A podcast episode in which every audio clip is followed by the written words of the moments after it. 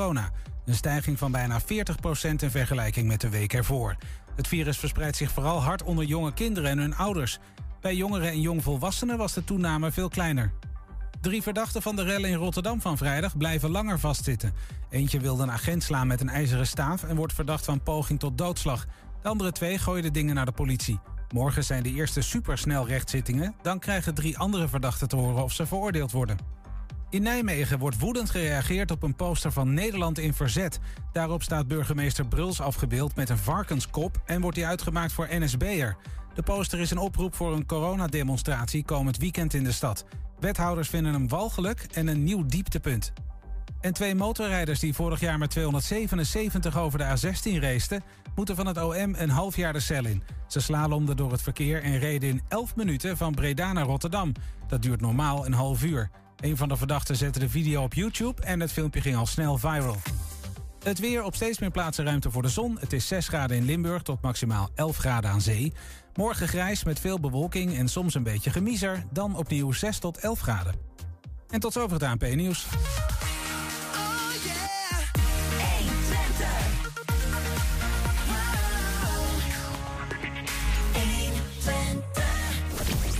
Twente. Weet wat er speelt. Zullen we dat nog een keer doen? Doe het nog eens.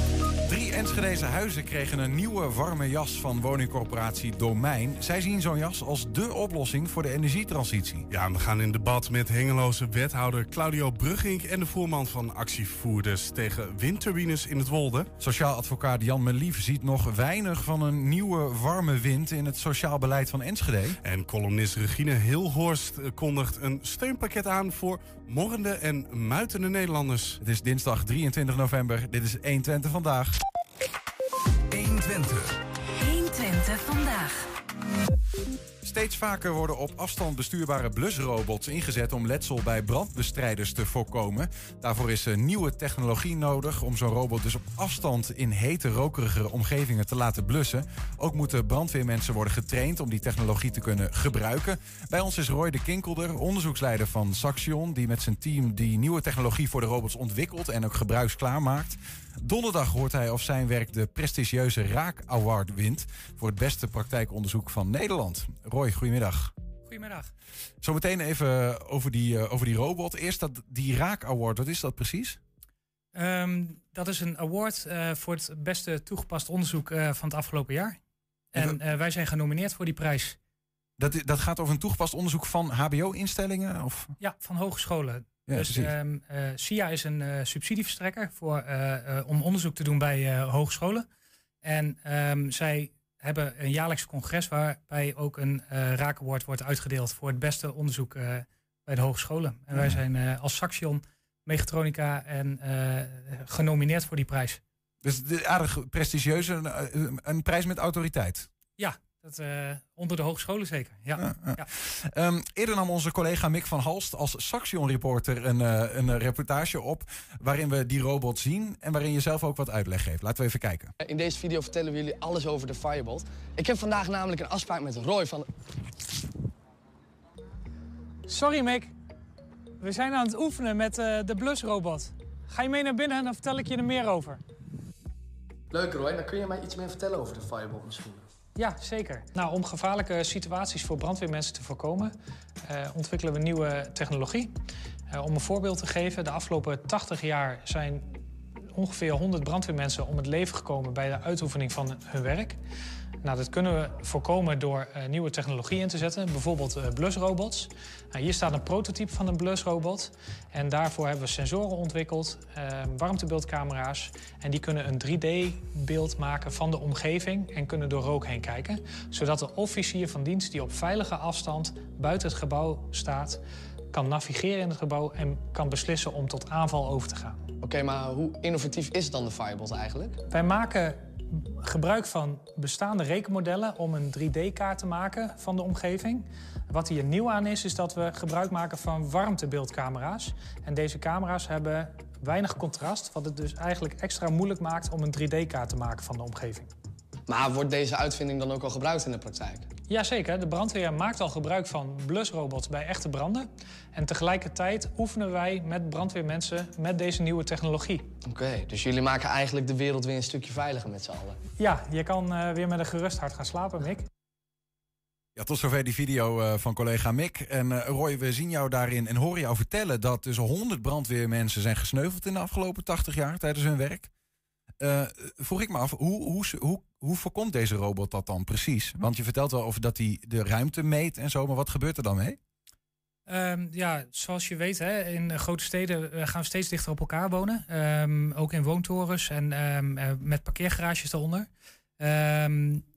Ja, met de komst van elektrische auto's kan het zo zijn dat zo'n batterij brand vlam vat. En dan heb je een hele complexe brand onder zo'n eh, woontoren. En dat is eigenlijk voor brandweermensen ook te gevaarlijk om naar binnen te gaan. En ehm, dus de brandweer is op eh, zoek gegaan naar ehm, eh, middelen om dat, om dat te kunnen blussen. En blusrobots is daar een middel van. Ja. Alleen dan kun je je voorstellen, het is een op afstand bestuurbaar voertuig. Ehm, je rijdt een pan binnen en terwijl je zelf buiten staat. En je weet niet meer hoe die georiënteerd staat, wat er zich binnen bevindt.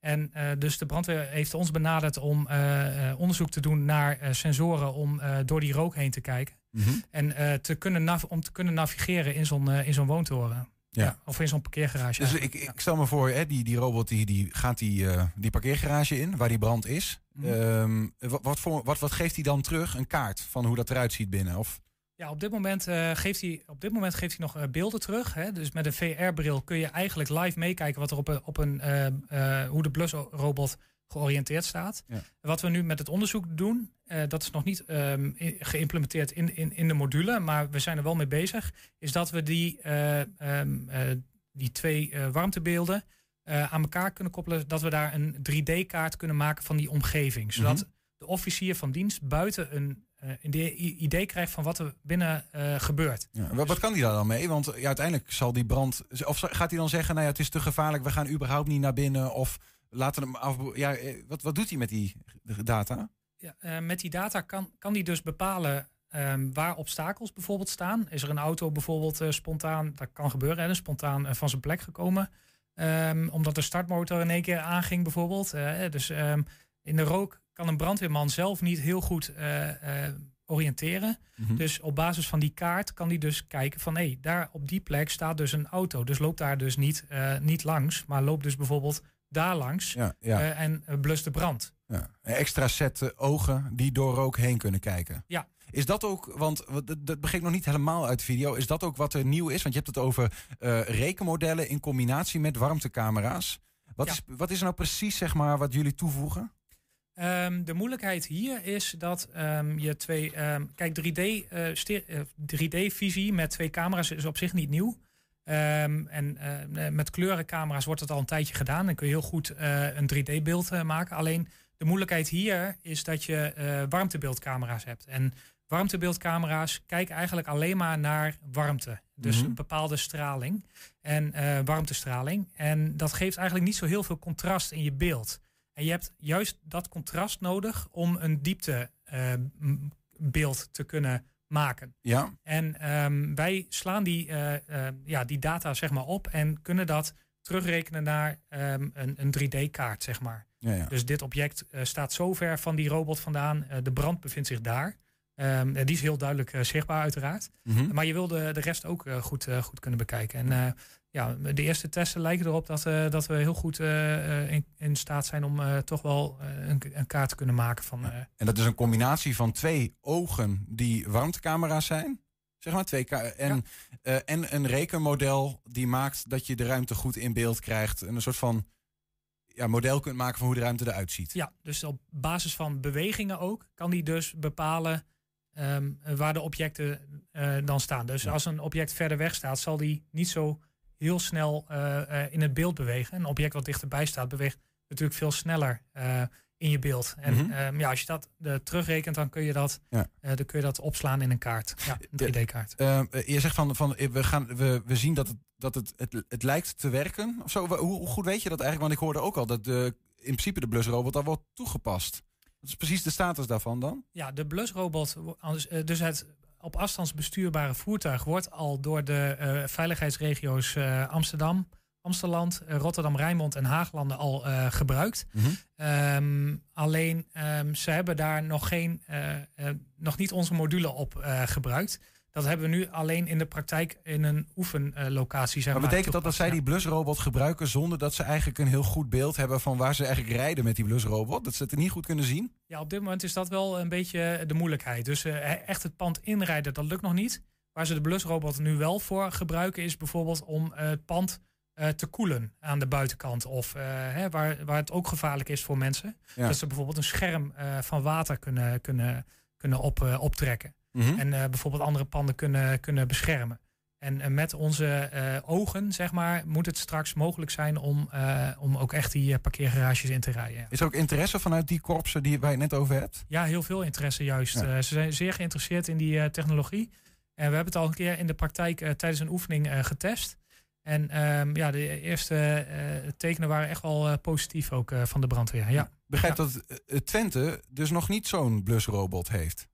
Ehm, nee, als, eh, eh, eh, die informatie die ik heb op dit moment nog niet. Maar als ik het goed begrepen heb, Twente is wel heel erg wel bezig met bijvoorbeeld met drones. Drones, ja, dat ja. weten we. Ja, ja, precies. Maar nog Ja. niet zo'n zo, zo'n zo'n wagentje. Ja. ik weet niet, hoe, hoe verhouden die zich tot elkaar eigenlijk? Zou je, ook- zou je die uitvinding die je hebt gedaan, zou je die ook op een drone kunnen implementeren? Of is dat minder handig? Ehm, dat zou kunnen. Ehm, maar dan moeten we specifiek naar de toepassing kijken, inderdaad. Eh, Ja. ja. dat zou wel kunnen, ja. ja.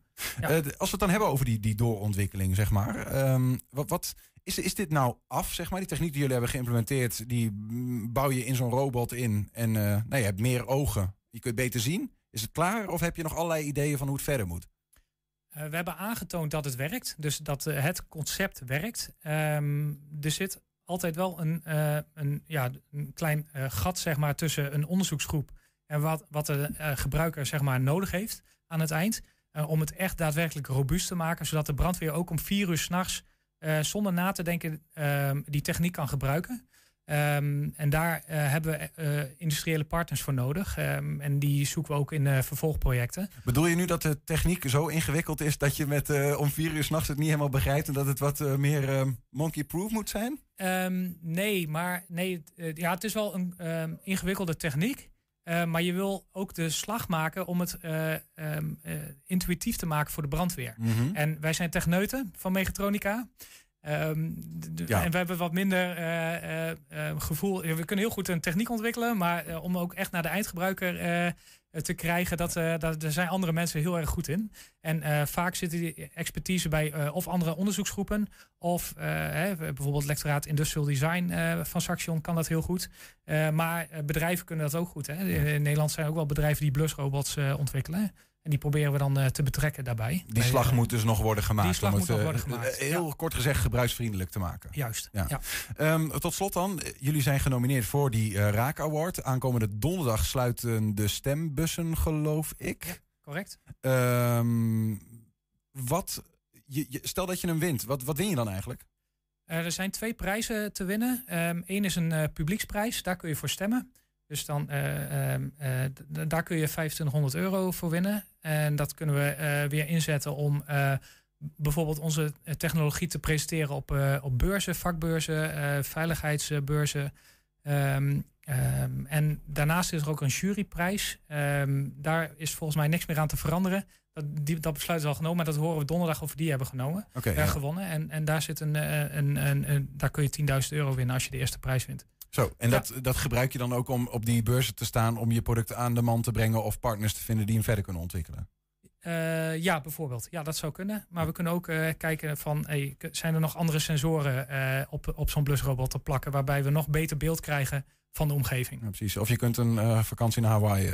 Ja, ik denk niet dat dat de bedoeling is van, van het geld. Het moet wel echt in die robot het worden echt gestopt. in de robot. Ik ja. snap hem, ja. Ja. Dus we, we kunnen, kunnen we nog stemmen?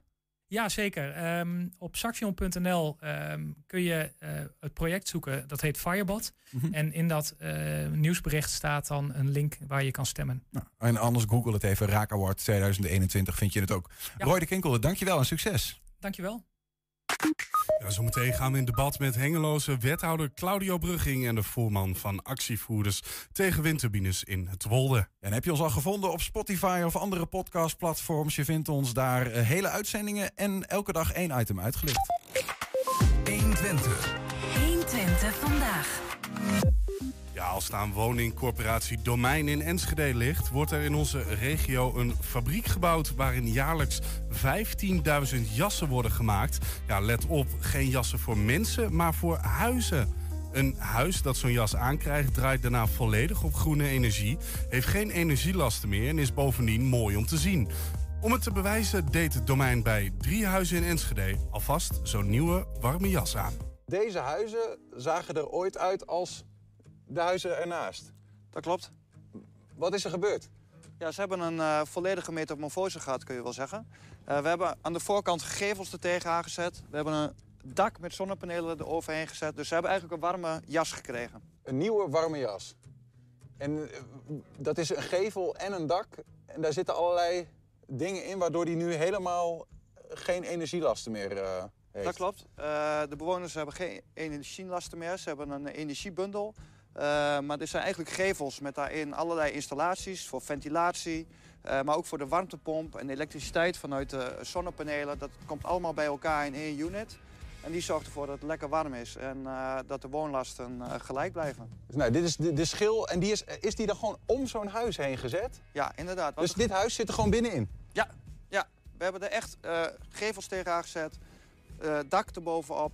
En de rest is gewoon gebleven zoals het was. En kun je dat bij elk huis zou je dat kunnen doen? Dit kun je bij elk huis doen. Ja. Dan ben je helemaal klaar wat betreft de energietransitie. Je bent van het gas af. eh, je huis is eh, helemaal energie-neutraal. Je betaalt geen energielasten meer. Ja, klopt. Eh, dat lijkt op een soort schoorsteen, Rutger, maar dat is het niet. Ja, zo is het ook bedoeld inderdaad. dat het herkenbaar is. En dit is eigenlijk de warmtepomp unit. Dit is En- de warmtepomp. Ja, inderdaad. Zullen we even gaan kijken? Let's go. Nou, we zijn binnen. Het ziet eruit als een gewone woonkamer en toch ook niet helemaal. Wat is dit eigenlijk voor plek? We hebben hier drie proefwoningen staan en we hebben één woning die niet bewoond is. En dat is deze. En dat noemen we de showcase-woning van Induzero. Oftewel, eh, hier vertellen we het verhaal over industrialisatie, een high-tech fabriek... die eh, de producten, nou, deze woning kan maken, zeg maar. En hier staan dus ook binnen de materialen die we eigenlijk aan de buitenkant van het huis bijgeplaatst hebben. Ja, inderdaad. Wat je, wat je hier ziet eh, is eigenlijk een paneel, zoals ze noemen, wat in de fabriek gemaakt wordt. Ehm, en daar komen dan deze nou, stenen, steenstrips, eh, die worden door de robot eh, erop gelegd. Wat me wel opvalt aan deze nieuwe gevels, is dat er zit een raam in. En dat lijkt alsof het een enkel glas is, maar dat is toch helemaal niet duurzaam? Nee, dat lijkt inderdaad zo en dat is ook best uniek. Het is het vacuümglas en eh, wat je kunt zien, het is inderdaad erg dun. En ehm, eh, dit is echt glas wat revolutionair is en innovatief. Eh, want wat je normaal ziet, als je deze goede isolatiewaarde wil hebben, dan kom je op trippelglas. En je ziet wel dat dit vele malen dikker is en is een breder. stuk dikker, ja. We hebben een woning die supergoed geïsoleerd is. Maar ook een woning die niet meer door gas wordt verwarmd.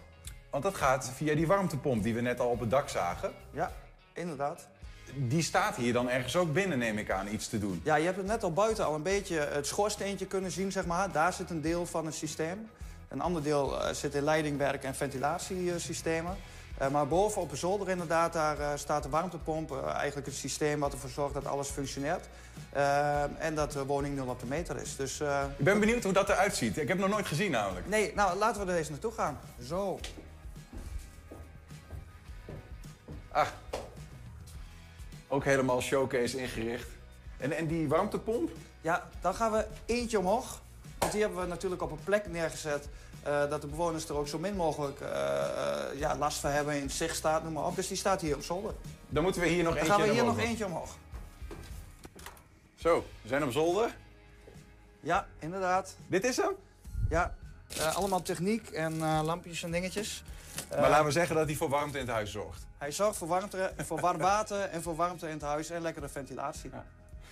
Dus we hebben gezien dat dit huis is supergoed geïsoleerd. Er is een schil, een warme jas omheen gekomen. De zonnepanelen op het dak en een warmtepomp hier. Die zorgen voor de energie. Geen eh, CO2-uitstoot meer. eh, geen energielasten. Maar wat betaal je hier nou voor om zo- zo'n eh, warme jas te krijgen om je huis? Wat we eigenlijk doen voor de bewoner is van... eh, u krijgt dezelfde woning, alleen beter en mooier, eh, voor hetzelfde geld. En dat betekent van eigenlijk die energierekening die jij had... die betaal je nu na domein in de vorm van, dat noemen ze een energieprestatievergoeding. Misschien wel dé oplossing voor de energietransitie dus. Absoluut. En het ziet er ook nog wel aardig leuk uit. Ja, het is echt fantastisch. Het ziet er mooi uit. En ik zie als ik zo naar de zijkant van de woning kijk, het heeft ook een soort van apart patroon. Is dat nodig dat je zo'n poppetje eh, bij je muur krijgt als je deze gevel tegen je huis aan krijgt? Nee, dat niet. Maar eh, dit is een, eh, een beeldmerk wat een groep samenwerkende partijen gebruikt hier in de posten. Dit is waar die woning staat.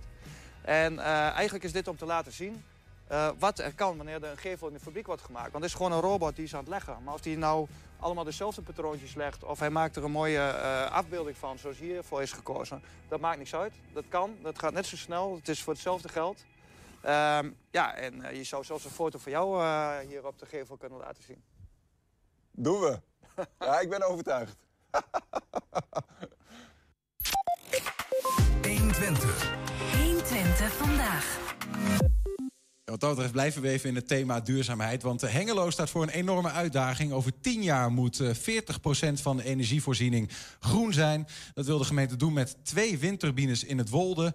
Eh, Eentje op bedrijfterrein Twentekanaal Zuid. En eh, nou, een heleboel eh, zonnevelden en zonnepanelen op daken en langs de A1 en A35. Maar veel inwoners zien de komst van windturbines niet zitten. Ze zijn bang dat die dingen voor overlast gaan zorgen... of erger nog voor eh, letterlijk hoofdpijn en slapeloze nachten. Bij ons in de studio is verantwoordelijk wethouder Claudio Brugging. En ook eh, nou ja, een van de inwoners die zich druk maakt om de windturbines... Henk Dassen van Stichting Duurzame en Leefbare Driehoek Hengelo, Delden, Borne. Welkom beiden. Dankjewel. Eh Claudio Brugging, om u te beginnen. In 2030 eh nou, moet bijna die helft van die energievoorziening groen zijn. Gaat dat er überhaupt lukken in Hengelo? Nou ja, daar mikken we wel op. Alle besluitvorming gaat daarover. over. Ehm, want het moet ook inderdaad allemaal dan ook draaien en ook werken... en ook echt die, die energiebesparing ook opleveren, CO2-winst. Eh, en dat betekent dat we nu in 2021 eh, nog een aantal jaren hebben... maar dan moet het ook wel eh, eh, rap gaan. Eh, Hoeveel procent is nu? Nou, we zitten. Nou, overvraag je me eventjes. Eh, volgens mij zitten we nu op rond de 10, 12 eh, procent. Dus we hebben nog wel wat eh, te doen. Ehm, eh, en we moeten dus met die, met die schone energie echt eh, aan de slag. Ja, ja. Meneer Dassen, eh, wat vindt u eigenlijk van die doelstelling? 40% 2030? Nou ja, ik vind dat de overheid natuurlijk een plicht heeft om mee te doen met de Parijsakkoorden. Dat is natuurlijk de basis, waar wij ook mee eens zijn. Alleen, alleen de vraag van langs welke weg doe je dat? En in welk tempo doe je dat? En met welke argumenten doe je dat? En daar vinden wij toch wel wat eh, steekjes die zijn blijven liggen in het totale proces. En datgene wat er nog zou moeten komen. Ja, dus er moet wel wat gebeuren. De Ja. manier waarop, dat is Ja. een beetje de vraag. Ja. Eh, meneer Brugging, u heeft gekozen eh, als Hengelo voor twee windturbines in het Wolde. Eh, waarom eigenlijk twee op die plek? Nou, we hebben eh, een langdurige inventarisatie gedaan over waar dat dan zou kunnen in Hengelo. Hengelo is een, een relatief forse eh, stad, ruim 80.000 inwoners, met een relatief klein eh, oppervlak. Dus dan moet je goed kijken waar het, waar het kan. En op die plek hebben we gezien, daar, ja, er komen twee snelwegen bij elkaar, A1, A35. Er ligt ook tegen het industrieterrein aan de Aldaar. En eh, ja, we hebben gemeend dat dat eigenlijk een hele goede plek zou zijn om daar een energielandschap eh, te maken. Dus in de combinatie zonnepanelen en eh, windenergie. Dat dat eh, voor Hengelo in ieder geval een hele goede plek zou kunnen zijn. Maar specifiek gezien, die, waarom is die plek dan zo goed? Omdat het bij dat industriegebied ligt? Of, Nou ja, we hebben binnen de re- regionale energiestrategie een, een aantal zaken afgesproken als het gaat om wat zijn voorkeursplekken voor, voor wind. Nou, we willen graag dat ze ook geclusterd zijn. Dat het is hier zo met twee windturbines. Als je even kijkt ook naar de, de grens Hof van Twente, zouden daar eventueel nog twee windturbines eh, kunnen komen. Eh, daar is ook eh, veel gedoe eh, over daar. Eh, maar dan heb je het al over vier windturbines bij elkaar. Dan heb je in ieder geval een cluster. Dat is in ieder geval waar we op inzetten in, eh, in, in Twente. Dus niet verspreid eentje hier en eentje daar. Ja. En dicht bij infrastructuur. Nou, dat is hier, want je hebt hier natuurlijk die snelwegen. Dus daar is al infrastructuur, daar is al heel veel menselijke ingrepen gedaan. En daar zou dit eh, in die combinatie heel goed kunnen passen. Meneer Dassen, u woont in het Wolde. U woont gewoon op de perfecte plek om twee windmolens te ja, planten. dat kan uh, de Brugging wel zeggen, maar daar ben ik het natuurlijk niet mee eens. In eerste plaats, zegt hij zelf al, hebben we heel weinig meters om überhaupt uh, turbines te plaatsen. Van belang is de vraag, onder andere, heb je je inwoners meegenomen in de processen die links en rechts spelen? Dat vinden wij dus niet. Dus wij, zijn, wij voelen ons overvallen over het feit dat dit op deze manier gebeurt. Vervolgens is natuurlijk de vraag, Brugging kan wel zeggen, snelwegen enzovoort en spoorlijnen. Er is al heel veel infrastructuur. Maar je blijft desalniettemin bij inwoners in de buurt uh, dingen plaatsen. Dus dat betekent dat zowel vanuit de Wolderes in Hengelo... als vanuit uh, Borne, Wensink en, en, en, en Bonse Maten, et cetera... Mm -hmm. inwoners te dicht wonen op die, op die turbines. Vervolgens is natuurlijk de vraag, uh, als die turbines komen op de plaatsen die nu gedacht zijn... dan staan ze bijvoorbeeld nog, geen, nog geen 300 meter van een gebouw, hè, het Oordin-gebouw... waar 400 mensen iedere dag werken. Dus die zit, binnen 300 meter zitten die van die turbines af. het proces eromheen, als het gaat om wat is daar nou mogelijk? En zijn de belanghebbenden in voldoende mate meegenomen? Mm -hmm. Dan constateren wij dat of het, nou over het terras gaat van, van een valk... of het gaat over het Oningebouw, of het gaat over de boer die daar boert... en die dus een deel van zijn land kwijtraakt... die daarna niet meer kan boeren, die is nooit benaderd. Die zijn nooit benaderd. Nee. Dus wij vinden het onzorgvuldig in het proces... en men heeft de burgers onvoldoende meegenomen... wetend dat men dat staat in, in het, in het uh, akkoord. Weten dat men een uh, nieuwe bestuursstijl zal gaan volgen... waarin men zegt, wij betrekken de bewoners in een vroegtijdig stadium... Ja, in is te weinig gebeurd, zegt u? Absoluut. Uh, meneer Brugging, snapt, begrijpt u dat? Dat, dat? dat de bewoners zich overvallen voelen? Of is er genoeg gebeurd? Nou, als dat zo zou zijn, dan zou ik het uh, moeten kunnen begrijpen. Maar ik ben het daar niet mee eens. We zijn al twee jaar bezig met dit uh, proces. Het komt niet uit de lucht uh, vallen.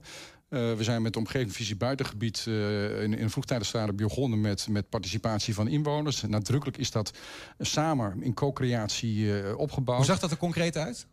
Nou ja, daar zijn, daar zijn uh, uh, zaaltjes geweest, workshops geweest. Daar zijn allerlei gesprekken gevoerd met uh, inwoners in het buitengebied. Heeft u ooit een uitnodiging gehad, meneer Dassen? Nee, nee, nee. En als, als je het over inwoners van buitengebied hebt... dan hebben we het over twintig mensen. Even om het, om het concreet te houden. Ja. ja. En dat zijn dezelfde mensen die worden bedreigd in hun, in hun bestaan. Hè, om het zo maar te noemen. En de mensen die er wonen, één daarvan heb ik net genoemd... is helemaal niet benaderd. Terwijl die wel degene is die, die, die de grond gebruikt. Mm -hmm. Maar dat neemt niet weg. En dat vind ik dus zo belangrijk, meneer Brugging.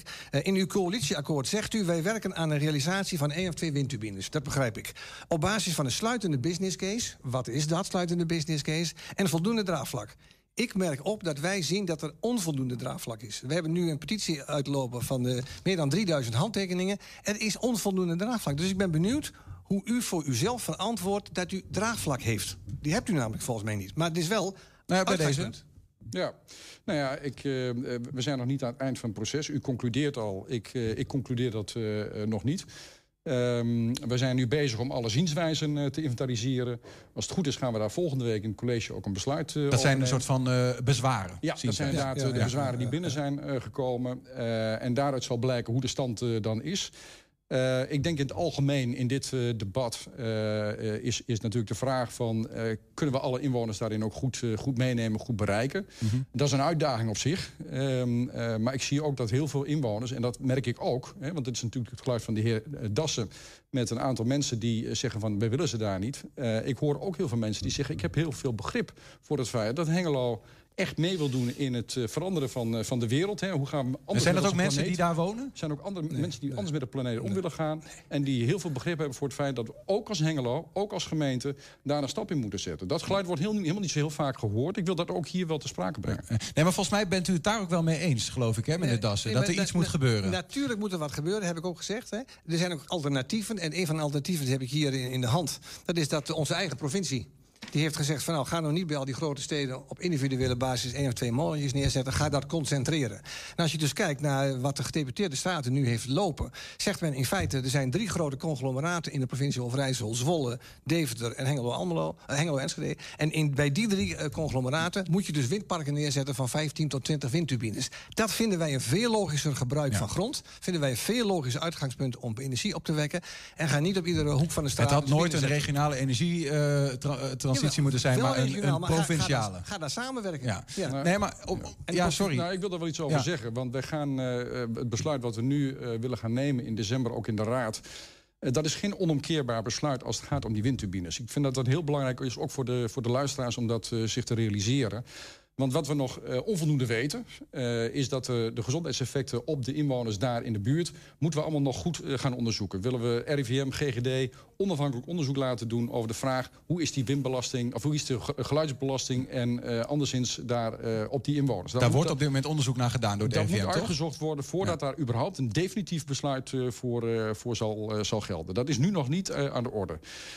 en de tweede is dat wij in de omgevingseffectrapportage op Twents niveau al die projecten waar de heer Das het over heeft bij elkaar willen brengen. En ook daar die afweging willen laten, uh, laten doen. Want ik heb ook vanuit de raad gehoord... Van, ja, wij kunnen als Hengelo wel heel hard gaan lopen... maar we willen ook weten hoe andere gemeenten daarin ja. uh, staan... en hoe het hele gebied uiteindelijk in Twente verdeeld wordt... als het gaat om windturbines. Mm -hmm. Die vraag snap ik. Die kan ik nu nog niet beantwoorden. Die zal straks in die omgevingseffectrapportage zijn plek moeten krijgen. Ja. En op dat moment zal de raad dat terugkrijgen... en het hele verhaal ook uh, kunnen beoordelen. Maar zegt u dan eigenlijk ook van... mocht het RIVM, die ook op dit moment onderzoek doet... naar uh, gezondheidsrisico's uh, van windmolens. Mocht daar uitkomen dat er inderdaad op die plekken waar die windmolens nu gepland zijn, dat die daar niet kunnen staan, omdat er mensen in de buurt wonen of werken die dan gezondheidsrisico's lopen, dat die windmolens er niet komen? Of dat de raad daar dan alsnog kan besluiten dat ze er niet komen? Uh, ik heb ook in de raad aangegeven toen mij daar wat werd gevraagd... van goh, uh, stel nou dat daar uh, gezondheidseffecten uit voortkomen... Die, die, die echt heel zwaar zijn en waar je ook niks meer tegen kunt doen... ja, dan gaan we in Hengelo geen wind, windturbines plaatsen. Dat is, dat is evident. We gaan ja. in Hengelo niet als gemeente... waar we ten dienste zijn van de inwoners... onze inwoners ziek maken. Dat gaan we natuurlijk niet doen. Maar ik wil wel eerst onderzoek hebben... die dat uit, uitwijst of dat wel of niet het geval is. En als dat niet het geval is, ja, dan willen we wel vol uh, staan... ook voor onze verantwoordelijkheid voor de windenergie en voor de wind- en energietransitie. Nou, dan is de vraag ook aan, aan u, meneer Dassen. Stel nou dat het uh, blijkt dat het allemaal wel meevalt met die gezondheidsrisico's. Is het dan uh, een minder groot probleem? Nee, het gaat natuurlijk niet alleen om, om, om gezondheid. Het gaat om veel meer aspecten. Dat betekent dat, zeg maar... Uh, als je gezondheid vertaalt als alleen maar kijken naar mensen... en de mensen hebben er geen last van... dan krijg je toch de vraag of mensen er desalniettemin voor een gevoel last van hebben. Dat klinkt misschien wat, wat, wat, wat, wat bijzonder. Maar ik wil daarmee zeggen, als jij op een kantoor zit... en de hele dag heb je slag, slag, slagschaduw voor je, uh, voor je raam langs... Ja, en je zit op jouw kantoor... dan kan het misschien wel voor de gezondheid te, te, ja, redelijk zijn. Maar is het ook werkelijk draaglijk als gezondheid uh, mm -hmm. facet? En daar komt bij, en dat vind ik dus het lastige in dit hele dossier... in buitenland, Polen, Duitsland, Denemarken... is de afstand waarbinnen geen bewoning mag plaatsvinden van een turbine... tien keer de hoogte van de turbine. Als je dus een turbine bouwt van 250 meter... mag je net de 2,5 kilometer geen bewoning hebben. In Hengelo praten we over afstanden van, eh, wat ik net zei... Uh, 350 meter van mensen die werken. Dus dat hele beeld van, uh, van de gezondheidseffecten in het buitenland... passen wij ook toe in Hengelo. En dat betekent dus dat je in Hengelo geen molens moet gaan bouwen. Dus het gezondheidsaspect wordt nu bekeken door GGD en, uh, en RIVM. En daar wachten wij natuurlijk met spanning op. En ik ben blij dat de wethouder toezegt dat hij daar ook op wacht. Maar het leidt nog tot een andere vraag, als ik zo vrij mag zijn te vragen. Het beeld is nu naar buiten gebracht dat er in december... een heel belangrijk besluit zal worden genomen. Een niet omkeerbaar besluit. En kunt u mij uitleggen wat er dan in december wel besloten wordt? We, we zwemmen met z'n allen een fuik in, wordt dan gezegd. En dan kunnen we niet meer uit. Op, op welke positie zitten wij nou in dit proces? Dat vind ik heel ingewikkeld. Nou, wat, wat van belang is uh, in het besluit voor, uh, voor december... is dat we aan de ene kant, we hebben het nog niet, niet gehad over zon... is misschien net iets minder controversieel... maar uh, daar willen we wel in door kunnen pakken. Daar, er zijn een aantal projecten waar we eigenlijk ook in de uitvoering willen gaan. Daar hebben we een raadsbesluit voor nodig om die plekken ook vrij te kunnen geven. Dus de zonkant is ook van belang in dit verhaal. Als het gaat om wind willen wij in ieder geval zorgen dat de onderzoeken die daarop lopen... dat die door kunnen, kunnen gaan. Uh, waarbij we de plekken niet uh, nu al afwijzen. Hè, want dat zou ook een besluit kunnen zijn dat we nu helemaal geen wind meer gaan doen. Dat is eigenlijk wat de heer Dassen uh, aangeeft. Ja, nou, zover ben ik niet. Nee, okay. zover hoop ik dat de raad ook nog niet is. We willen wel eerst op basis van gedegen onderzoek dat, dat doen. Daar zal, daar zal ook overigens die slagschaduw een onderdeel van zijn. Wordt er allemaal in meegenomen. En op het moment dat dat allemaal op tafel ligt... Mm -hmm. dan komt dat pas het besluit. Het zal, ik denk, misschien pas eind 22, misschien 23 zijn. Dan pas komt het besluit uiteindelijk bij de raad liggen. Uh, en daar hebben we ook de inwoners goed in meegenomen. Laat ik dat dan ook maar eens uh, meteen ja, nog even ja, zeggen. Uh, dan komt pas het besluit voor te liggen als we de omgevingseffectrapportage hebben in Twente... waar we alle windturbines kunnen zien... Mhm. Hm? en we hebben een compleet beeld van de gezondheidseffecten... zijn we dan bereid om op dat moment de locaties vrij te geven. En dat is het besluit wat we in december dit jaar nog niet gaan nemen. We gaan de locaties nog niet vrijgeven. Er gaan dus nog niet meteen allerlei offertetrajecten, et cetera. De locaties worden niet vrijgegeven, maar we willen wel dat de onderzoeken door kunnen gaan... en dat we op basis daarvan uiteindelijk een gedegen besluit kunnen nemen. En dat betekent dat er dus een point of no return is er dus niet. En in formele zin heeft de burger dus nog eh, tot eh 2022, 2023... formeel het- het recht om dan in te spreken... respectievelijk bezwaar te maken, respectievelijk een zienswijze in te dienen. Als het gaat om windturbines wel, hoor ik dat. Ja, of, of, of eh, steun uit te spreken. Dat kan natuurlijk ook. Ja, oké, maar ik zit nog even aan de andere kant. Ja, maar, maar, maar de andere, sorry, maar voor de discussie is dat natuurlijk mooi. Maar het gaat mij erom dat de rechten van burgers nu in onze beleving niet in voldoende mate zijn gewaarborgd. En eh, dat betekent als de raad zegt van nou laten we het maar niet doen, dan stoppen de onderzoeken, want dat vind ik wel heel bijzonder. Ik zou die onderzoeken altijd uitvoeren. Waarom zou ik dat, waarom zou ik dat niet doen? Nou, Daar heb je toch geen, geen gemeenteraad voor nodig? Dat is toch de verantwoordelijkheid van de wethouder in de voorbereidende fase? Nou, dit zijn, dit zijn dusdanig zwaarwegende besluiten... dat we graag daar ook een raadsbesluit over willen eh, hebben... en ook de democratische legitimering om daar vervolgens ook in door te gaan. Dus wat dat betreft eh, eh, wil ik graag ook vanuit de raad een, een uitspraak daarover hebben... dat we op de goede koers zitten, dat dit de lijn is die we gaan, gaan doen... Ja. en dat we daarmee dus ook, eh, ook de inwoners goed, goed betrekken. En ja, nogmaals, we zitten al twee jaar op deze route. Het is, komt echt niet uit de lucht vallen. We hebben ook al heel veel gesprekken gevoerd met inwoners... en zullen dat ook blijven doen in de toekomst. Ja. De- de- tot slot, meneer Dassen. Is er een kans? Is er een soort windmolen die in het Wolde zou kunnen komen waarvan u zegt dat vind ik prima? Nee, An- antwoord nee. gewoon onbespreekbaar? Wolde is vol. Oké. Wolde is vol, dat vindt iedereen. Er zit voldoende. We hebben spoorlijnen, eh, hoogspanningsmasten, vuilverwerking...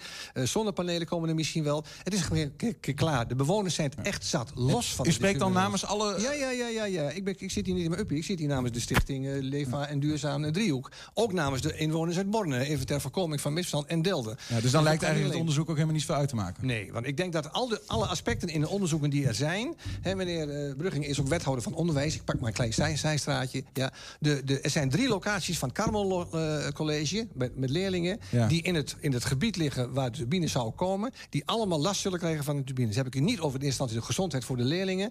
maar over lawaai, over gezondheidsschade op, op de panden... waardoor er misschien rolluiken in de panden mo- eh, moeten komen... waardoor dus onderwijs niet kan worden gegeven.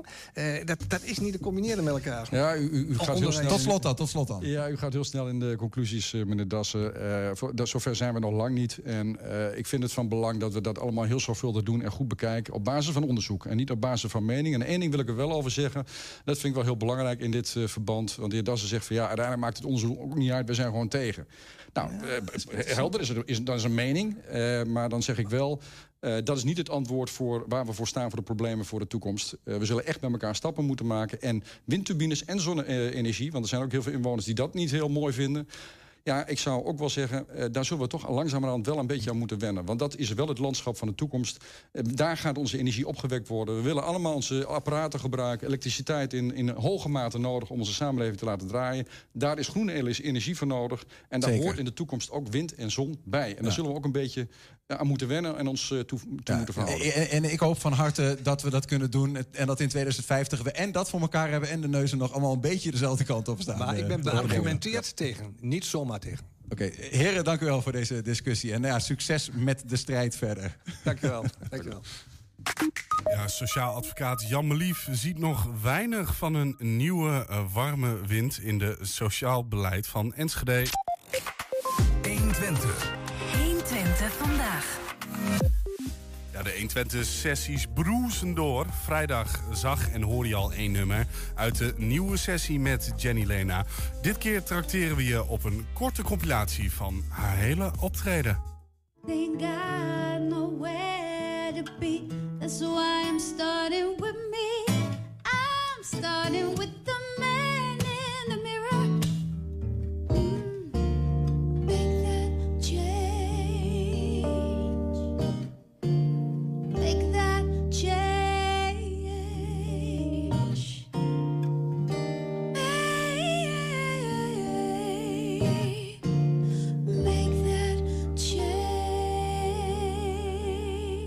Jenny, even, even over jou. Want eh, de meeste mensen, als ik tegen de meeste mensen zeg Jenny Lene komt langs, dan hebben ze iets van eh, Jenny Lene. De naam zegt me wel wat, maar waar ken ik er ook weer van? Ik ga de mensen even heel snel helpen. 2015, Voice of Holland. Eh, ja, dat was voor mij ongeveer het midden van mijn leven. Maar voor veel mensen inderdaad een soort begin dat ze mij leren kennen.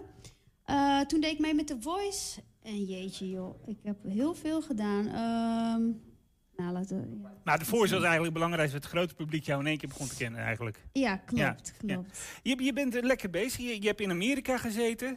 Daar heb je lekker lopen toeren.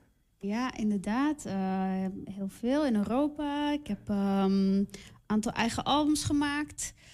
En ehm, nu net deze, de nieuwe Michael, eh, een tribute album, wat ik heel graag wilde maken altijd. You can shout out all you want to, but there ain't no sin for folks all getting down. You can try it if you want to, but there ain't no one who's gonna put you down. Ja, de 120-sessie is nu online te vinden op de YouTube-pagina 1, eh, eh, 120 Enschede. En komt zometeen ook op 120.nl. Houd dat dus even in de gaten. 120. 1. 120 vandaag. Menselijke maat terug in het sociaal domein. Dat betekent rekening houden met persoonlijke omstandigheden van bijstands- en WMO-gerechtigden in de toekenning van uitkeringen. Politiek en wethouders die willen het. En het recente onderzoek van de commissie Vonk toont aan dat de wet er voldoende mogelijkheden voor biedt. Alles gereed dus voor een nieuwe wind, zou je zeggen. Maar sociaal advocaat Jan Melief die ziet er in zijn rechtspraktijk nog weinig van terug. Vorige week nog had hij eh, twee zittingen waarin gemeentejuristen als vanouds een handelswijze verdedigden die nadelig uitpakt voor Enschede'ers die ondersteuning nodig hebben. En bij wie het ook anders zou kunnen, horen wij. Jan Melief is hier, welkom. Hallo, dank je. Eh, e- eerst even over jou, over u. Ehm, dan weten we dat even. Eh, sociaal advocaat, wat betekent dat precies? Nou, dat ik mensen help, eh, bijsta als ze ehm, moeilijkheden hebben met, met uitkeringen in het algemeen. Uitkeringen van de gemeente, ook uitkeringen van UWV. En eh, ook in eh, zaken als thuiszorg en zo, dat ze hulp nodig hebben. WMO-zaken. Precies deze doelgroep waar het over gaat, helpt u in de strijd. En ook tegen de gemeente. Ja, ja, zeker. Want eh, die WMO-zaken en bijstandszaken, die, dat is uitsluitend tegen de gemeente. Ja, ja. Hoe lang doet u dat al? Ongeveer 15 jaar. 15 jaar. Ja. Genoeg gezien? Heel veel gezien. Ja. Nou, we hebben u natuurlijk ook vaker hier gehad en in andere programma's die we maakten ook de afgelopen jaren rondom eh, nou ja, armoedebeleid van de gemeente. Ehm, in de wet, zeg maar in, in zowel de, de bijstandswet, de participatiewet als de WMO, zit eh, een bepaalde mate van ruimte die een gemeente kan geven, eh, kan, kan nemen in de, in de uitvoering. Hè? Hoe streng ben je in het controleren van heeft iemand al zijn plichten voldaan? Eh, dat blijkt ook uit dat onderzoek van die commissie Vonk. Enschede zegt nou zowel het college dat de macht heeft als de gemeenteraad die daar weer boven staat van wij willen dat dat wat menselijker, warmer wordt, wat losser. Ehm, zelfs vastgelegd in het coalitieakkoord. Merkt u dat ook in de praktijk? Ehm, zijn twee. Ik, krijg natuurlijk alleen zaken die mis zijn gegaan. Dus als iemand een uitkering aanvraagt en die wordt afgewezen, die aanvraag, dan kan het zijn dat iemand bij mij komt. Als die wordt toegewezen, komt iemand niet bij mij. Dus het, kan, dat, het zou best kunnen dat het aantal bij aanvragen er eh, mensen sneller een uitkering krijgen dan in het verleden. Maar de dossiers die ik nog heb lopen op dat punt, hè, daar is er wel eentje bij dat iemand 15 maanden heeft moeten wachten op een uitkering. Dan moet je dus even voorstellen dat je al die tijd geen enkel inkomen hebt, 0, niks. En iedere keer werd het afgewezen op eh, ja, technische gronden. Je legt de bewijslast bij, eh, bij de burger. Die zaak eh, is verloren in bezwaar, omdat het op de gebruikelijke wijze ging. En die staat nu voor beroep. Nou, dat is, over twee weken is die beroepszaak. En nou, ik heb nog niet gemerkt dat ze ook maar iets daarvan terug willen nemen. Dus die meneer die heeft eigenlijk nog 15 maanden uit, uitkering te goed. De gemeente is niet gaan kijken, hebben niet nader onderzoek gedaan. Dus dat is nog steeds dezelfde lijn. En dat merk ik in de zaken die ik dus sinds dat die commissie aan de slag is geweest. En ook zeg, zelfs sinds het rapport is uitgebracht. Merk Ja. ik dat dat nog steeds diezelfde houding van we leggen het zo negatief mogelijk uit. We vertrouwen de burger niet. We gaan uit van kwade trouw. We leggen de bewijslast bij jou. Hè, en als die bij jou ligt, dan gaan we ook maximaal daar, van dat gegeven gebruik maken. dus dan ga je vragen naar bewijzen die, waarvan je wel weet dat ze er niet zijn, of waar je niet aan kan komen. En dan wordt eigenlijk gewoon gevraagd van, eh, ja, bewijs maar eens dat jij nog nooit de rood bent gereden. Ik heb, dat vaker gebruikt, die uitdrukking, maar zo, komt daar komt het wel op neer. Ja, precies. En u begint ook te zeggen dat het dat zijn dus de gevallen waarin het misgaat, anders komen ze niet bij u terecht. Ja. Maar eh, ziet, ziet u dan ook dat. Eh, ziet u wel, wat, wat ziet u in de aantallen gevallen die bij u terechtkomen? Want daar zou je mogelijk ook iets moeten kunnen zien. Hè? Dat, dat er minder gevallen uiteindelijk bij de sociaal advocaat terechtkomen. Of kunnen we dat moeilijk toetsen? Dat is heel moeilijk te toetsen, omdat ik dat natuurlijk niet zie. Hè, dus ook in de, eh, in de WMO bijvoorbeeld, die aanvragen voor, voor thuiszorg. Als daar iets misgaat, ja, dan als die burgers denken ze krijgen een brief van het is afgewezen of uw eh, thuiszorg wordt gehalveerd. Dan zeg, hè, en de politiek roept er moet worden bezuinigd. Dan denken die mensen, nou dat zal wel. Hè, het is de overheid toch? Ja. Dus die gaan niet in, in bezwaar. Maar over die aantallen kan ik, nou, daar, kan, daar kan ik moeilijk iets over zeggen. Omdat eh, ja, ik, die, ik, ik dat natuurlijk niet zie. Als er een aanvraag wordt goedgekeurd, ja. dan wordt die goedgekeurd. Maar u geeft eigenlijk het voorbeeld, dat begrijp ik, van iemand die dus bijstand aanvraagt. Ehm, en dat wordt afgekeurd op bepaalde gronden. Eh, die persoon vindt dat onterecht. Komt daarom bij u, zegt eh, wat mij wordt onrecht aangedaan. En u kijkt naar die zaak en zegt, ja, dat klopt inderdaad niet. Nee, dan kijk ik van waarom heb je dat afgewezen? Je hebt onvoldoende onderzoek gedaan. Waarom geloof je verklaringen van, eh, van burgers die daar iets kunnen verklaren over de bijstandsbehoeftigheid van deze burger? Waarom geloof je niet? We worden gewoon van tafel geveegd. Men gaat niet kijken bij die mensen thuis. eh, van hoe ze er eigenlijk bij zitten, hoe arm ze eigenlijk wel niet zijn. Dus ze gaan er gewoon vanuit. Ja, u bent eigenlijk hè, u bent niet doodgegaan van de honger, dus u moet een bron van inkomsten hebben gehad. Dus waarom vraagt u eigenlijk bijstand aan? Maar hoe, hoe komt dat dan? Want, want we hebben dus eh, beleidsmakers die dus zeggen we willen het anders doen. Ehm, in de praktijk is daar denk ik uiteindelijk een, een ambtenaar, ik weet dat eigenlijk niet zo goed, die uiteindelijk bepaalt u krijgt wel of geen uitkering. Ja. We- weet hij dan ehm, dat hij meer ruimte heeft? Dat hij misschien ook de ruimte moet nemen om een ander te vragen om die toetsing te doen? Ik ga ervan uit dat die beslisambtenaren, de leiding van die afdelingen en ook de juristen die dat rapport natuurlijk ook gelezen hebben. En die zijn ook ondervraagd volgens mij door die, eh, door die commissie Vonk. Dus die hebben die rapporten ook wel gelezen. Maar ja, eh, ik heb ook, je kan ook in het rapport lezen dat de juristen hebben uitgelegd eh, dat, eh, aan die commissie dat ook de rechter het in de ogen van. Hè, dat als de rechter de burger een keer gelijk geeft, dat die ambtenaar dan zegt, die jurist, ja, die rechtbank die zit ernaast. Mhm. hè, eh, want wij hebben gelijk. En dat had moeten worden afgewezen. Dus wat zou kunnen is dat mensen in de lopende dossiers gewoon nog in die oude stand staan. Van we proberen bij aanvragen nee te zeggen. Hè, laten we nou maar. Zo, dat is wat de burger voelt. We proberen nee te zeggen. En als ze een keer fout hebben gemaakt, hè, dus dat, met de be- be- beroemde inlichtingenplicht, als een keer, dan wordt vervolgens de bewijslast omgedraaid. Want dan moet jij bewijzen dat je alles in je leven altijd goed hebt gedaan. Dus als iemand een bedrag op zijn rekening heeft gestort gekregen en hij kan niet eh, de herkomst daarvan bewijzen, nou, dan wordt dat teruggevorderd. Nou, dat is nog tot daar aan toe, maar dan wordt dan gezegd. Ehm, nou, heb je niet nog meer van die bedragen cash ontvangen? En dan zeggen die mensen nee, nou, eh, dat heb ik niet. Nou, bewijs dat maar eens. Kun je dat niet? Dan vorderen we alles terug. Maar je zegt van dat eh, eh, het, het zou kunnen dat er in lopende dossiers dat mogelijk de mensen die hierover bepalen, ambtenaren, ehm, dat die nog in die oude manier van denken zitten. En ik heb dat op zittingen een paar keer meegemaakt. Ja. Recentelijk. Re- maar ook met nieuwe zaken die gewoon van de afgelopen ja, tijd die- gestart nou ja, dan- zijn. Nee, dat was dan een zaak die nog liep. Hè, en in beroep. Eh, nou, we hebben bij de rechtbank gezeten. En Van de week, eh, dat was eerder al eh, nou, een paar maanden geleden. Ook terwijl het rapport al eigenlijk al was ook. Vorige week twee zaken achter elkaar bij één cliënt. En van de week nog in een bezwaarzaak. Hè, waarin ja, werd, bijzondere bijstand is geweigerd. Terwijl er was gezegd, u kunt daar wel bijzondere bijstand voor aanvragen voor die kosten. En vervolgens wordt het geweigerd. Ja, en dan zeggen ze ehm, ja. En dan zoeken ze dus naar een reden om nee te zeggen. Nou, die, kunnen, die konden ze wel vinden in de wet ergens. Ze hebben niet gekeken naar een reden om ja te zeggen, want die staan er ook wel in. Hè.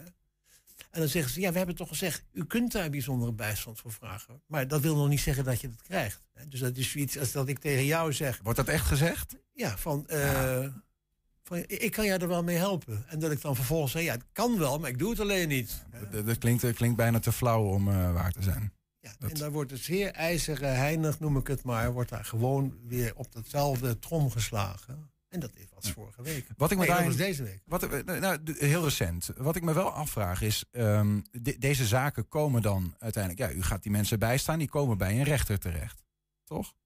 En eh, wat is eigenlijk de rol van die rechters? Want eh, we, weten vanuit de toeslagenaffaire dat de rechters, en dat de Raad van State nu zegt, diep door het stof, eh, wij hadden ehm, nou ja, ook beter naar die menselijke maat moeten kijken in het uiteindelijke eh, uit, in de uitspraken. Wat, wat het zie is je? mijn opvatting dat de hoogste rechter op dit gebied, dat is de Centrale Raad van Beroep, net zo eh, funest beleid voert als die Raad van State jarenlang gedaan heeft. Wij Mhm. zeggen ook, er is geen enkele reden voor, of geen enkele ruimte voor proportionaliteit. Hè? Dus eh, dat, mag, dat, dat doen wij gewoon niet. En we- dus die, die rechter is on- extreem onredelijk, vind ik. En, maar de gemeente hoeft dat niet te zijn. Maar, die, maar eh, de gemeente, die juristen onder andere, die zeggen... nou, wij kunnen heel onredelijk zijn, dus dat gaan we ook doen. En dat wordt dus ook gewoon volgehouden. Want wij krijgen altijd Ja. weer gelijk bij de hoogste rechter. Ja, oké. want de, die, de, de, ruim, de wet geeft hen de ruimte. Dus ze, Ja. kun- ze kunnen het doen, juridisch gezien. Maar Enschede zegt nu wel. eh, en de commissie zegt het kan. Enschede zegt we willen meer ruimte nemen. We willen menselijker met de dingen omgaan. Dan vraag ik me af wie bepaalt dan in Enschede ehm, wat, wat Enschede doet. Wat de ambtenaren doen. Ja, uiteindelijk is dat natuurlijk de raad. Hè? Dus de, de, de raad moet eh, de ruimte die er is in de wet, hè, kan je invullen met, met eh, nadere regels. Kun je gewoon stellen van wij gaan daar zo mee om met die vrijheden die er in de wet staan. Dat is aan eh, de raad om daar regels voor te stellen en voor het college om dat uit te voeren. Mhm. de, de, de- het college, er staat het college kan, hè, er staat er kan iets geven. Nou, dan kan dus eh, het college dat ook beslissen om dat te doen. En Als er geen nadere regels zijn, kunnen zij gewoon die wet zo eh, Ja. toepassen. Maar het, het, het wordt natuurlijk niet door de wethouder zelf gedaan, of ook niet door, door het hele college. Die besluiten die worden natuurlijk voorbereid en onder mandaat genomen. Zo Mhm. gaat dat. Ja, dus er En worden, notities gemaakt. anders- ja, als die ambtenaar daar dus anders over denkt en de, die wethouder ziet misschien niet al die besluiten, ja, dan, eh, ja, dan, dan komt de burger misschien toch weer bij mij terecht. Ja, ja maar en toch willen we als Enschede iets anders. De raad Ja. bepaalt dat en die hebben gezegd we willen het anders. Wat, wat moet er dan... eh, ja, eh, ik weet niet of u daar een visie in heeft, maar wat moet er dan wel... Want er is nu een onderzoek geweest. eh, daaruit blijkt dat er meer ruimte is. Daaruit blijkt ook dat die ruimte niet altijd is gegeven, maar dat we het anders willen. Ja. En nu? Nou ja, wat ik denk, hè, is wat zou kunnen, is dat de raad zegt op al die punten, hè, want dat zijn er heel wat, eh, waar ruimte is, wel 18 geloof ik zijn er, heeft die commissie ook opgewezen. De helft van, van al die mogelijkheden, die kan je zonder wetswijziging, kan je gewoon hier doorvoeren. Maar dat zou de raad kunnen doen en zeggen, wij willen dat dat zus en zo wordt uitgelegd. Dan kan die ambtenaar geen kant meer op, want dan moet hij Het moet wat strikter worden gedefinieerd. Ja, als de ambtenaar mag bepalen wat redelijk is of onredelijk is, hè, of eh, wat dringend is of niet dringend is, Mhm. ehm, ja, dan zullen ze die ruimte wel nemen. Die hebben ze ook altijd gekregen. Ja. En, dat, en die ruimte was extreem eh, in het nadeel van de burger. Hè. Dus die commissie heeft ook gezegd dat ze zelfs nog onder de bodem zakten en er vaak over die grens gingen. En dan, nou, gelukkig, als ze bij mij kwamen, kan ik het wel corrigeren. Ja, maar ja, ik heb wel eens eerder gezegd hier van eh 60% van de zaken die ik eh, krijg. En mijn oude collega Peter Gertsen zei het is wel drie kwart. Maar klopt het besluit gewoon niet. Ja. Dat is natuurlijk veel te veel. Ja, nee, dat is, dat is veel. Dat is, dus, dat is dus nog strenger dan de strengste norm. En in, dus in strijd met de wet. Ja, en, het, en het, we willen het anders en het kan ook anders. Maar u zegt van wat, wat nodig is, is dat eh, ambtenaren een wat striktere ehm, taakdefinitie krijgen. Eh, waarin ze eigenlijk geen kant meer op kunnen zeggen: het moet eh, menselijker. Ja, of dat ze eh, gewoon.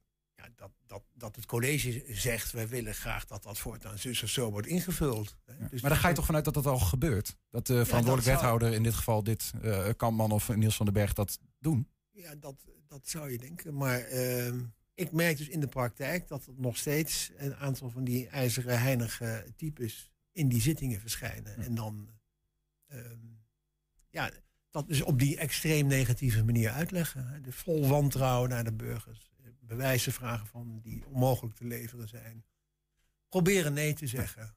En eh, dat, dus ja, het kan misschien best zo zijn dat het aantal zaken minder is geworden. Dat, die cijfers heb ik natuurlijk niet, want ik zit niet in het co- college. Maar eh, de- in de lopende dossiers zie ik dat nog steeds. Dank u wel voor, eh, voor uw uitleg en eh, nou ja, voor een update vanuit, het, eh, vanuit uw kant van het verhaal als sociaal advocaat. We zullen ook de komende eh, dagen de re- gemeente om een reactie vragen en kijken hoe zij eh, nou, reageren op dat die dingen dus nog steeds eh, gebeuren. En wat volgens hen de ontwikkelingen dan wel zijn of zouden moeten zijn. Jan Marlies, dank. Oké, graag gedaan. Ja, dan eh, zometeen gaan we naar de column van Regine Hulhorst. 120. 1. 120 vandaag. Ja, 120 is al ruim twee jaar bezig met onderzoek naar de Enschedeze vuurwerkramp. We hebben daar veelvuldig over gepubliceerd, maar vorige week is een mini-documentaire online gekomen. De eerste in een serie. Is collega, aangeschoven is collega Ernst Bergboer, een van de makers van die documentaire en ook inhoudelijk verantwoordelijk voor het onderzoek. Ernst, goedemiddag. Hoi, ik wou even zo scheef gaan hangen als dat Jan Melief net hing. Ja, hij zat er lekker bij. Ja, dat klopt, klopt, klopt. Ernst, eh, eh, het is eh, t- 2021, 21 jaar na dato, meer dan dat. Eh, veel, er zijn veel documentaires gemaakt. Waarom moest er nog één komen? Nou, een serie zelfs. Ja. nou, weet je, ja, weet je, het komt gewoon omdat er rondom die vuurwerkramp nog altijd ongelooflijk veel... Ondanks al die onderzoeken en al die documentaires... En, eh, zijn er nog steeds heel veel vragen niet beantwoord. Ehm, dus dat betekent dat er gewoon ruimte blijft voor onderzoek. Eh, en voor publicaties. Zo simpel ligt het Te eigenlijk. veel vragen liggen nog open wat, Ja. eh, wat, wat jou betreft. Ja, is, dat meer geworden naarmate je erin verdiept? Sorry? Is dat meer geworden naarmate je erin verdiept? Eh, nou, het concentreert zich. Weet je, de, de, de, die vuurwerkramp is een enorme gebeurtenis. Met een enorme brei aan informatie, onderzoeksresultaten, noem het allemaal maar op. Ja. Maar er zitten een aantal van die kernvragen, van die kerndingen in... dat je denkt van, daar is nog heel weinig aandacht... of zelfs soms helemaal geen aandacht. Of het zijn nieuwe dingen. Nou ja, eh, laatst rondom die aangifte van Rudy Bakker bijvoorbeeld. Dat er gewoon weer nieuwe informatie boven tafel komt. Eh, dus ja, goed, dat maakt dat het... Maar het dus de vragen sp- spitsen zich wat meer toe. Ja. Ja. Je hebt een serie eh, mini-documentaires eh, gemaakt. Eh, we zijn we mee bezig. Ja, nou ja, ben je mee bezig. In ieder geval eentje is uit. Maar kun je ons vertellen van hoe je eigenlijk zo'n nou ja, verhaal bouwt? Wat doe je daarvoor allemaal? Wauw, dat is heel veel lezen. heel veel lezen en met, met, met, betrokken mensen praten. Navraag doen. Ehm, ja, in dit geval ehm, ging het om eh, de, verzwegen wet bijvoorbeeld. Hè, de brandweerwet 1985. Ja, dus daar heb ik, die wet gelezen, onderzoeken naar gedaan, rapporten gelezen. Ehm, het is vooral heel veel leeswerk en praatwerk. Met heel veel mensen in het land gesproken. Om uiteindelijk een soort van coherent je, verhaal te kunnen ja, wat vertellen ik wat ik- ik- makkelijk ik, behapbaar Ik is. verzamel heel veel informatie. En Ja. dat, dat, dat wordt één, ook een soort van brei aan informatie rondom een bepaald thema. En dan ga ik ordenen. Wat is belangrijk, wat is niet belangrijk. En dan ontstaat er een, een soort van verhaallijn. En dan probeer je tot de kern te komen van waar het eigenlijk echt om gaat. Nou, dat is wat we met deze mini-docu dan proberen. Stukje kijken? Ja, is goed. 20 doden en talloze gewonden bij explosie in Enschedeze vuurwerkopslag. De wijk in Enschede, waar de explosie plaatsvond, is tot rampgebied verklaard. Goedenavond, dit is een extra uitzending van het RTL Nieuws. Er zijn zeker 20 doden en minstens 175 gewonden gemeld... na een grote explosie in een vuurwerkbedrijf in Enschede.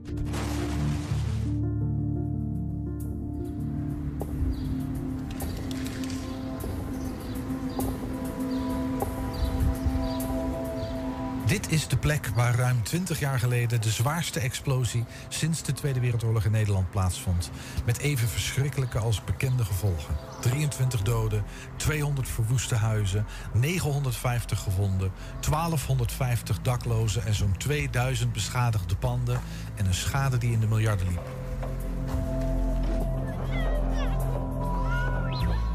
Eh, om een klein beeld te geven van hoe die eh, documentaire is eh, vormgegeven. Wat mij betreft in ieder geval om, om te zien. goed gedaan, supermooi. Ook inhoudelijk stel je interessante vragen over een verzwegen wet. Of eigenlijk de verzwegen wet, zo noem je ook deze aflevering. Ja, dat is de brandweerwet van 1985. Eh, die, was, die, die gold op het moment van de vuurwerkramp. En dat was de wet die, die, die was bedoeld om branden en ongelukken bij branden en eh, noem maar op, om zo'n vuurwerkramp te voorkomen. En uitgerekend die wet is nooit in een onderzoek betrokken geweest. Ehm, klopte die wet wel? Wat staat er dan in die wet? Eh, wat is daar mis? Dus Oosting niet, in geen enkel onderzoek is die wet ter sprake gekomen. En dat is heel erg merkwaardig. Dus dat triggerde mij. Ik denk van, wat is hier nou aan de hand? Dus daar, nou ja, goed, daar gaat deze aflevering over. Ja. En eigenlijk zou je kunnen zeggen dat als die wet, ehm, eh, eh, als men zich aan die wet had gehouden, en dan heb ik het over men, dat zijn dan de verantwoordelijken in die wet overheden en overheidsinstanties, ja, dan had die vuurwerkramp nooit kunnen gebeuren.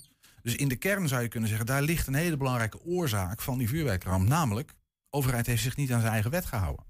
Nou, dat is een hele opmerkelijke con- conclusie die nergens getrokken is. Oosting heeft wel gezegd, de, de overheid heeft gefaald. Die heeft eh, dingen gedaan. Wetsverzaking is iets anders dan falen. Nou, dat is waar deze aflevering over gaat.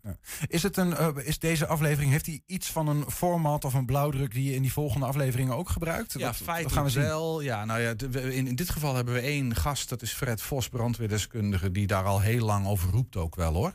Eh, over dit verhaal. Dus dat is onze, onze enige gast. Andere afleveringen hebben wat meer gasten of wat meer ehm, eh, verhalen. Maar de opbouw is wel steeds een beetje hetzelfde. Dus we pakken één thema, in dit geval die wet. Ja. Eh, en dat eh, diepen we uit met gasten, met mensen die daar inhoudelijk iets zinnigs over kunnen vertellen. En dat laderen we met beelden van de ramp, interviewopnames. Nou, eigenlijk alle materiaal die we Ja, wat ik wil zeggen, is dat ook niet ingewikkeld als je bijvoorbeeld in dit geval Fred Vos hebt die nou ja, dingen beweert.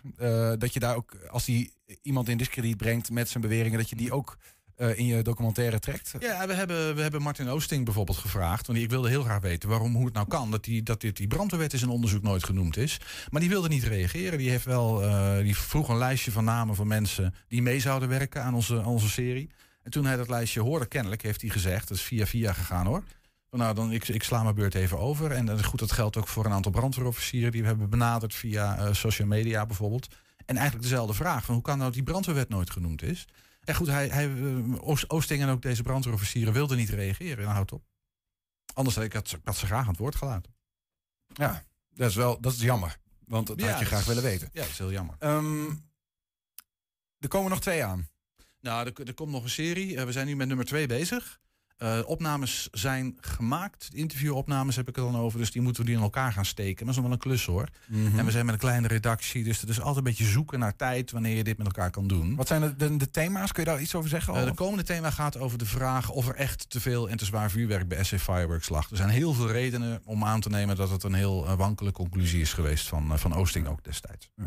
Dat was wel inderdaad de, de conclusie. Deze die we net hebben gezien, eh, de verzwegen wet, is die al te zien? Ja, staat online bij ons op de website.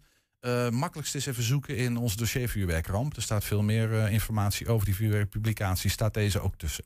Alright. Nou, en op YouTube geloof ik, eh, nou ja, de Ja, YouTube wet staat op ook. vuurwerkramp. eh, Ehm, Ernst, dankjewel. En eh, succes met het eh, vinden van tijd voor de volgende Helpen edities. Yes. Dankjewel.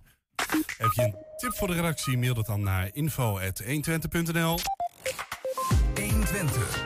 120 vandaag. Ja, en dan eh, zijn we alweer aan het einde gekomen van dit programma. En dat betekent dat wij naar de column gaan, want het is weer dinsdag. Het is weer dinsdag. Bij ons Regine. Eh Regine, eh, jij verbaasde mij met een appje wat ik kreeg. Normaal gesproken krijg ik al een appje van eh, wat, wat jij vandaag gaat doen. Maar wat, wat appte jij mij vandaag, weet je dat nog? Ja, dat weet ik zeker. Ik, de titel van mijn column appte ik jou. En dat is, zal ik het zelf herhalen? Je mag het zelf herhalen en dan mag je. Nee, ik, eh, ik ga het hebben over het steunmaatregelenpakket voor de morrende en muitende Nederlander. En dat steunmaatregelenpakket heet Houd Nederland bestuurbaar in crisistijd. En er zijn allemaal tips en tools. Ehm, ja, zal ik beginnen? It away. Nou, mensen, het zijn donkere dagen. Nederland is onrustig, het kraakt en het piept. In de zorg en de ziekenhuizen, op straat, in de politiek. Het kraakt. De Nederlander is in diepe verwarring. Door de toeslagenaffaire, door de klimaatcrisis, door een nog altijd demissionair kabinet met zwabberbeleid en natuurlijk door de vijfde golf, de coronagolf en de gevolgen daarvan. Nou bestaat de Nederlander helemaal niet, hè? net als de eh, ongevaccineerde of de gevaccineerde. En voel ik me helemaal niet verward, dus ook niet aangesproken. En al helemaal niet sinds ik het steunmaatregelenpakket Houd Nederland bestuurbaar in crisistijd toepas. Enfin, men zegt, en wie is men, hè, dat kun je je ook afvragen. Men zegt dat de persoonlijke vrijheid van de Nederlander zo aangevroten wordt door alle crisissen zonder uitzicht dat we, ik niet hoor, daar hoor ik dus niet bij, dat we gaan morren.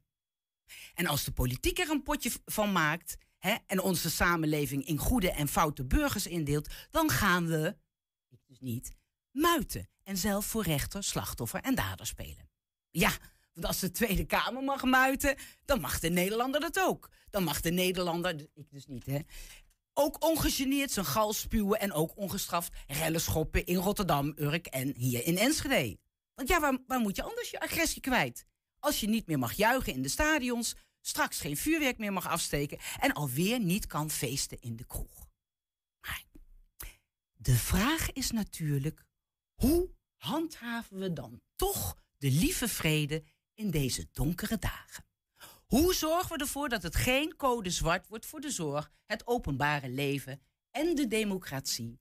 Zie hier het nieuwe steunmaatregelenpakket van de Rijksoverheid.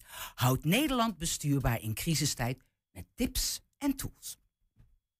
Kijk, en ik ben heus geen engeltje hoor. Tuurlijk vind ik het ook het allermakkelijkste om de schuld van mijn eigen onvrede bij een ander te leggen.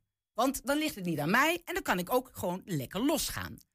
Maar dat doe ik tegenwoordig veilig dankzij het HNBIC steunmaatregelenpakket houdt Nederland bestuurbaar in crisistijd. Kijk, een voorbeeld. Als ik in deze tijd van korte lontjes, en korte, korte lontjes hebben we allemaal, ruzie krijg met mijn partner, partner, bijvoorbeeld over de hoogte van het bedrag van een Sinterklaasloodje, of wie de groenbak nou buiten moet zetten, of het maakt eigenlijk niet uit en ik vind dat ik ten onrechte de schuld krijg, dan voel ik natuurlijk, net als de Nederlander, woede opkomen. Maar dan volg ik dus sinds kort de tips van HNBIC, het steunmaatregelenpakket van de overheid. Tip 111. Voel je woede, lockdown jezelf en doe eerst alle ramen en deuren en gordijnen dicht. Tip 2, heel belangrijk, en schreeuw dan pas tegen je partner dat hij, zij een nazi of een NSB'er is, of een doorsnee misdadiger, of massamoordenaar, of dat hij of zij voor een tribunaal komt. En vergeet ook niet, hè, als chronisch slachtoffer, de vergelijking met het lot van de Joden in de Tweede Wereldoorlog te maken. Maar doe dat dus alleen in zelfisolatie. En als je je daarna nog steeds voelt en met deuren wil slaan, met de tv wil gooien of een ruit in wil trappen, check dan eerst tip 333 of het je eigen spullen zijn of die van een ander. Tip 4. En als je dan de elektrische fiets van je partner in de fik wil steken of wat vuurwerk, doe dat in je eigen afgesloten keuken of schuur. En tip 5, heel belangrijk schors de ruzie af en toe even. als je naar het toilet moet, of als je even buiten adem bent, of als er zoveel rotzooi in de kamer ligt dat je erover kan struikelen, schors de ruzie. En tip 6. Leg een ruzie ook weer bij. Maak het goed, of een soort van goed. Of, nou ja, veeg in ieder geval de scherven, zolang het duurt, voor zolang het duurt, onder je eigen tapijt. En maak, heel belangrijk, de schuldvraag groter. Ik zei bijvoorbeeld tegen mijn vriendin hè, dat het allemaal helemaal niet persoonlijk bedoeld was. En dat zij, dat zij niet alleen voor een tribunaal terecht moest staan, maar dat natuurlijk iedereen die de groenbak vergeet buiten te zetten voor een tribunaal komt. En dat niet alleen zij een natie is, maar dat alle gezinsleden die meer dan 30 euro willen besteden aan een Sinterklaas cadeautje nazi's zijn. En tip 8.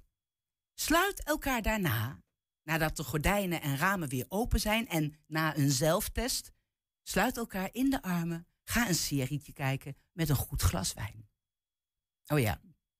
En tip 9, uh, om te voorkomen dat je buurman midden in de ruzie bezorgd op het raam tikt. Vraag gewoon even van tevoren of je buren hun huis willen verlaten in verband met mogelijk overlast. En ja, tip 10 ook, uh, voorkom dat de brandweer met gillende sirenes voor je stoep staat. Blus dus zelf tijdig die fikkende elektrische fiets van je partner in je schuurtje. En dat voorkomt dan weer dat je liefje hè, je weer uit gaat maken voor narcistische pyromaan. Maar gelukkig trok ze dat heel snel recht door te zeggen dat alle vuurwerk afstekende Nederlanders narcistische, narcistische waren. Nou, met dit steunmaatregelenpakket houdt Nederland bestuurbaar in crisistijd, houden we Nederland natuurlijk veilig. Maar dat werkt alleen als we het samen kunnen doen. Dus als je woedend bent of gefrustreerd, gooi dan geen stenen naar ambulancemedewerkers of bommen naar de politie. Nee, maak gewoon je eigen dingen stuk. Geef gewoon het goede voorbeeld. En wil je ook het Houd Nederland bestuurbaar in crisistijd steunmaatregelenpakket voor de morrende en muitende Nederlander? Kijk dan op rijksoverheid.nl. Dankjewel, Regine. En daarmee sluiten wij 120 vandaag af. Terugkijken, dat kan direct op 120.nl. En vanavond om 8, 10 en 12 uur op televisie te zien in de herhaling. Zometeen kun je hier verder genieten van Henk Ketting met zijn kettingreactie. Veel plezier en tot morgen. 120. Weet wat er speelt in Twente. Met nu het nieuws van 4 uur. Goedemiddag, ik ben Martijn Richters. De afgelopen zeven dagen zijn 154.000 mensen positief getest op corona. Een stijging van bijna 40% in vergelijking met de week ervoor. Het virus verspreidt zich vooral hard onder jonge kinderen en hun ouders. Bij jongeren en jongvolwassenen was de toename veel kleiner. Drie verdachten van de rellen in